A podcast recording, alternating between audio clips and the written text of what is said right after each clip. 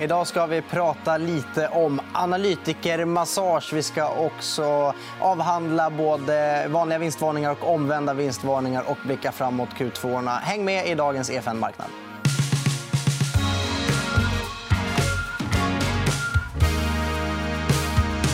Välkommen.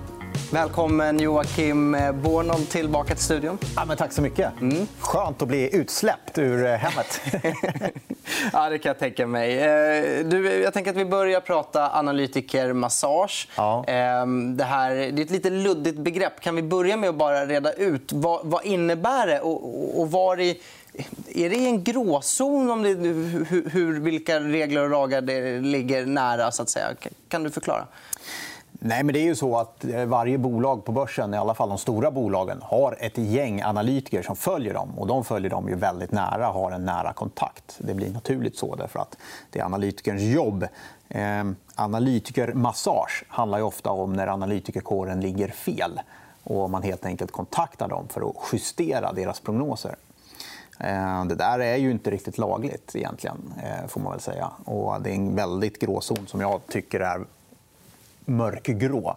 Men det är vad man säger analytikermassage. Så är det lite det man pratar om. Och vissa säger att det inte finns. Eh, jag är helt övertygad om att det finns. Eh, och vissa bolag använder det mer flitigt än andra. Så man ringer upp en, en analytiker som man tycker ligger lite högt eller lite lågt och så säger man ungefär hintar om att du, du kanske är lite högt nu. Typ Just det. Så. Ja. Lite så. Eh, men det är hittills ingen som åkt dit på det där. Varför kommer det sig? Nej, eh, nej, det brukar det inte vara. Vi ser inga rättegångar kring analytikermassage direkt. Eh, och en sak är väl att det har funkat eh, på det här sättet i marknaden i alla år. Ja. Eh, men framför allt är det väl så att eh, skulle du fråga bolaget, och det gör man ju ibland, ni journalister gör ju det ibland, så svarar de alltid nej, vi har inte sagt nåt som inte redan är offentligt. Eh, men då kan man undra varför det blir så stora kursreaktioner. Och det senaste exemplet på en stor kursreaktion är Volvo som har gått ganska rejält. och Det har kommit mycket eh, estimat som har skruvats upp från analytikerhåll. Just det. Eh, vad är din reflektion över det? Nej, men där, sånt där gör mig heligt förbannad. Jag hatar sånt där. Jag tycker det, det är... Eh, om jag då får sälla mig till eh, till småspararkåren så tycker jag att man blir helt utanför. För Det är uppenbarligen att Volvo haft en träff. Eh, även om det inte Volvo har sagt officiellt så är det uppenbarligen så att eh, aktien går upp 15% börsen gick upp 5 eh, Scania, stora konkurrenten, hade kommit med negativa eh, nyheter tidigare. Och sen eh, började analytikerna skruva upp sina prognoser. Och, och, och och ge ut nya riktkurser och så vidare. Man är inte med på banan här. Och det är ju, jag vet inte, men det känns väldigt, väldigt solklart fall på att, att det varit en kommunikation från Volvo som övriga marknaden inte haft tillgång till. Och då är det så här, det blir ett långt svar här. då är det så här då att det är fantastiskt om du och jag är aktieägare i Volvo och vi inte har den informationen. Ja, då flyter vi med. Då är vi glada för uppgången. Problemet är ju att det är ett gäng aktieägare som faktiskt har sålt av sina Volvo-aktier under den här uppgången som inte haft den här informationen. Och eh, hade Volvo varit här idag så hade de säkert sagt nej, vi inte lagt ut någon information eller pratat om någonting som inte är offentligt. Eh, men vad är det då som drog aktiekursen med 15% Det kan man undra.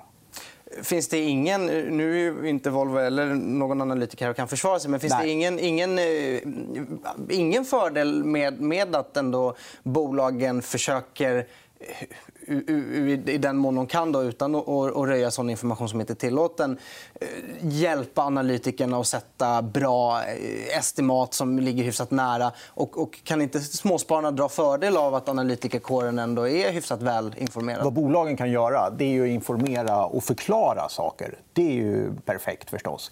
Förklara för en analytiker varför den här fabriken fungerar som den gör. Jag har inget problem med det. All, all insikt är ju jättebra. Eh, men det kan inte vara bolagets uppgift att se till att hålla sin aktiekurs eh, på rätt nivå. Det, det sköter marknaden själv. Och marknaden den, den ska jobba med samma information. Det är viktigt. Och då menar du då att nu får analytikerna annan information än vad en vanlig småsparare som jag får? Till exempel. Till exempel. Mm. Eh, och, och, då hamnar de eh, tvåa på bollen. kan man Då är man tvåa på bollen. Ja. Ja, ja. Har du haft otur så kanske du har sålt dina aktier. Eh, till exempel. Hur ska man komma till rätta med det här? Då? Nej, jag vet inte. Det är, jag tycker att man ska rycka dem i örat från Finansinspektionen faktiskt, och, och följa upp det här och stämma av vad det är som händer vid såna här tillfällen. Eh, sen får man inte strypa kommunikationen mellan IR-avdelning och analytiker. Det tycker jag inte. Men det är ett stort, stort eh, ansvar just på IR-avdelningen att se till att alla får samma information. Mm. Bra. Eh, vi nej, nej, det är dåligt. ja, det, är okay. det är dåligt. Ja. Eh, ja, men jag förstår. Eh, vi, vi lämnar det eh, för den här gången. Ja. Eh, det lär ju finnas anledning att återkomma till det. för Det här är Absolut. ingenting nytt. utan Det är något vi har sett under, under många år. Eh, så, så, nästa gång vi har ett sånt exempel så kanske du sitter här igen. Ja, och är sur. Ja. Bitter gubbe. och det är inte likt dig, för du är oftast på väldigt bra humör. Men, ja, det är sant. Men, ja, men det, vi, vi lämnar det och så ska vi prata lite vinstvarningar. Mm. Både positiva och negativa. Och vi tar de tråkigaste nyheterna först. Eh, river plåstret. Ericsson kom ju med en vinstvarning, en nedskrivning i miljardklassen mm. eh, på grund av 5G i Kina som blir eh, ganska dyrt. Just. Du, du, när vi pratade lite innan så att de köper sig in på marknaden. Kan du förklara? Ja, men det är lite det som händer. då. Det var man ganska öppen med själva också. Det är ingen nyhet i sig att marginalerna är väldigt låga. Och kanske negativa i Kina. För vad man gör är att man helt enkelt försöker se till att man har en bra marknadsandel i 5G eh, i Kina. Eh, men eh, vad det här visar är ju att konkurrensen på de kinesiska eh, systemleverantörernas hemmaplan där är konkurrensen brutal. Så att man faktiskt får gå ner och sälja med minusmarginaler. Och det där eh, visar ju kanske också, då, om man ska dra någon lärdom av det... Det är kanske rätt att göra det, för det är världens största marknad. Eh, så man behöver vara där. Men det in... den visar ju någonstans också hur hur svårt det är att konkurrera med de här eh, kinesiska bolagen. Och skulle de konkurrera på lika villkor kanske ute i Europa och USA framför allt så hade Ericsson eh, haft det betydligt tuffare. Eh, betydligt tuffare. Så att, ja, Ericsson kanske ska tacka sin lyckostjärna eller vad det heter för att man har de här geopolitiska störningarna och som gör att de kinesiska bolagen faktiskt har det lite tuffare runt om i världen än på sin hemmaplan. Mm. Ehm, men jag upplever lite, både utifrån vad du säger och när jag själv läste nyheten att man, om, om man satt och tänkte, bara läste flash, vinstvarning i Ericsson och tänkte ha, recession, corona så är det lite fel tänkt för det här känns mer bolagsrelaterat. Ändå. Ja, det är det. Och jag tror att eh, rent generellt så telekommarknaden den är inte inte så konjunkturberoende eh, som, som många andra industrier. utan Den, den lever ju sitt, eget, litet, sitt egna liv på många sätt och vis. Och just nu är man inne i ett stort teknikskifte. Så att, eh, corona och konjunkturen den, den stör nog betydligt mer på andra håll och kanter än just Ericsson. Mm. Eh, några som trodde de skulle få rejäla störningar men nu har reviderat upp lite grann. Det är Husqvarna. De kom ja. med en omvänd vinstvarning. Ja. Eh, och även om de räknar med att det här året fortfarande blir sämre än det förra då, så verkar det inte bli riktigt så illa. Eh, ska man se det här som att, att, att läget i världen i allmänhet verkar lite bättre än vad man har trott? Eller ska man tänka att ja, men det är nog bara den här hemmafixartrenden nu när ingen ändå kan resa utomlands i sommar? Vem vet? Det kanske, det kanske, är det. det kanske är det. Någonstans ska man lägga pengarna och då kanske det hamnar på såna prylar istället för semestrar. Jag vet faktiskt inte. Men om man ska säga någonting om både Husqvarna och Ericsson så tycker jag det är föredömligt, då, till skillnad från det andra bolaget vi pratade om tidigare att man faktiskt går ut med en ordentlig pressrelease och förklarar vad det här handlar om. Och de här nyheterna i sig är inte jättestora.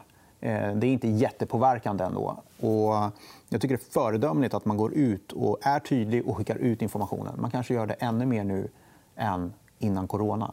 Ehm, och det är tumme upp på det, för det är superviktigt.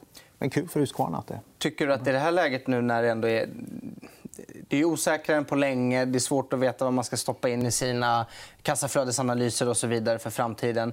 tycker att bolag som kanske, om de har någonting de normalt sett kanske känner att ah, det det är inte så pass stort att vi behöver kommunicera det här. Ehm, att de kanske bör göra det ändå bara för att i det här läget är det bättre att vara övertydlig än, tvärtom. Absolut. Och det är inte bara jag som tycker det. Tittar man på myndigheterna så både ESMA här i Europa och eh, SEC i USA har varit ute och sagt just det. Eh, har man information, gå ut med den. därför Det är mycket viktigare. Så att trycket från myndigheterna är också högre på att man ska vara eh, mer noggrann med att skicka ut eh, nyheter. faktiskt. Så att, absolut. Mm. Superviktigt. Bra. Eh, då går vi vidare till eh, nästa punkt eh, som vi ska avhandla. Och det mm. är att trots att många har jobbat hemma, trots att det kanske varit ett, på vissa håll ett lite lugnare tempo normalt så har det varit bra fart på Ekobrottsmyndigheten. Mm. Ilja Batljan, som är vd på SBB, som sedermera har släppts. Och ja tror också friats från misstankar.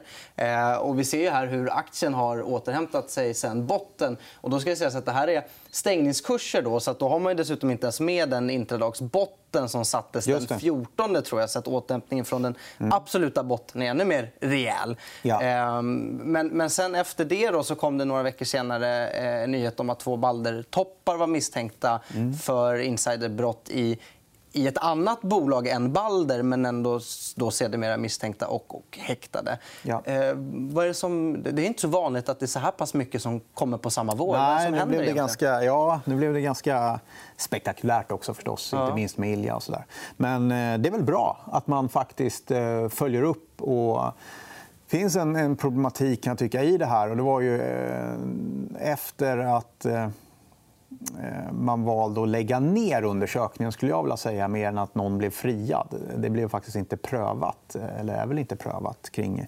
eh, kring eh, den här affären kring Ilja.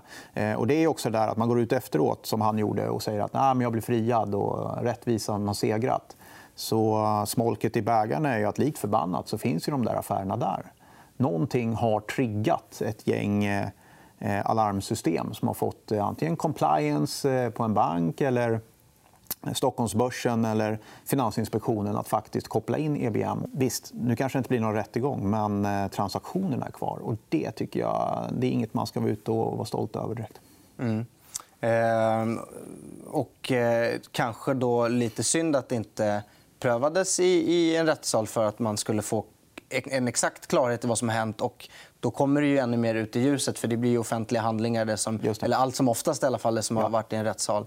Eh, så att det blir... Har man, ingenting, jag tycker så här, har man ingenting att dölja då har man allt att vinna på en rättegång. istället. Mm. Absolut. Ehm, men eh, ska man vara helt ärlig också. Det är, eh, det är ju så här att om EBM får en misstanke så måste den utredas. Mm. Men EBM vet ju också att det är väldigt svårt att få en, en dömande... En, en, en, en dom där, där någon blir straffad för den här typen av brott. Det sker väldigt sällan i Sverige. Mm. Eh, men eh, de här två balletopparna då? Det verkar inte vara, vara, vara färdigt än kring, kring dem. Det. Och, och, och, det verkar ha gällt något annat bolag. Det ska man säga. Det är samma då med, med Ilja. Det han var misstänkt för gällde inte SBB heller. Nej.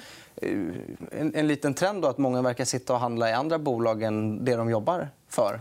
Ja, eh, nu verkar det vara i Balder-fallet ganska starkt kopplat till ett intressebolag mm. med Collector Bank. Då. Så att, eh, det, det är väl inte helt eh, oväntat. Men visst, så kan det vara. Det kan dyka upp mycket information eh, eh kring människor som gör mycket affärer. Och, det kanske kliar i fingrarna. Vad vet jag. Mm. Ja, vi lämnar det. Det lär ju komma fram mer om det där vad, vad det lider. Eh, sist men inte minst, det är snart midsommar, inte långt kvar. Ja, härligt. Eh, äntligen. Ja. Och, eh, efter midsommar då börjar det droppa in Q2 när mm. vi är klara med att, dansa små grodorna. Mm. Eh, och så blir det en lite lugnare sommarbörs, i alla fall vanligtvis. Börsen är ju nästan där vi avslutade, eller vi är ungefär där vi avslutade förra året. Då var det glada dagar. Ja. Hur ska man kunna leva upp till det här? Jag har ingen aning. Nej. Eh, jag, jag träffade en gammal kollega som jag jobbar med kring millennieskiftet. Eh, och sa att äh, vi som har jobbat länge med aktier det det är erfarenhet, det är bara en belastning. Eh, och jag börjar tro det också. för Jag känner mig väldigt skeptisk till de här nivåerna och, och, tror att eh, börsen skulle må bra av att kylas av lite. för Det har gått väldigt fort tillbaka. Och som du säger, vi kanske är ner 5 eh, på året på OMXS30. Eh, och det är klart att ehm, då har man egentligen sagt att vi hoppar över 2020 och så tror vi att 2021 blir väldigt bra. Och ehm, vi får väl se om, om bolagen under Q2 skickar några signaler om att de tror det också. Jag tror inte det. Jag tror det kommer att vara ganska defensiva bolag som vi möter eh, under kvartalsrapporterna. Faktiskt.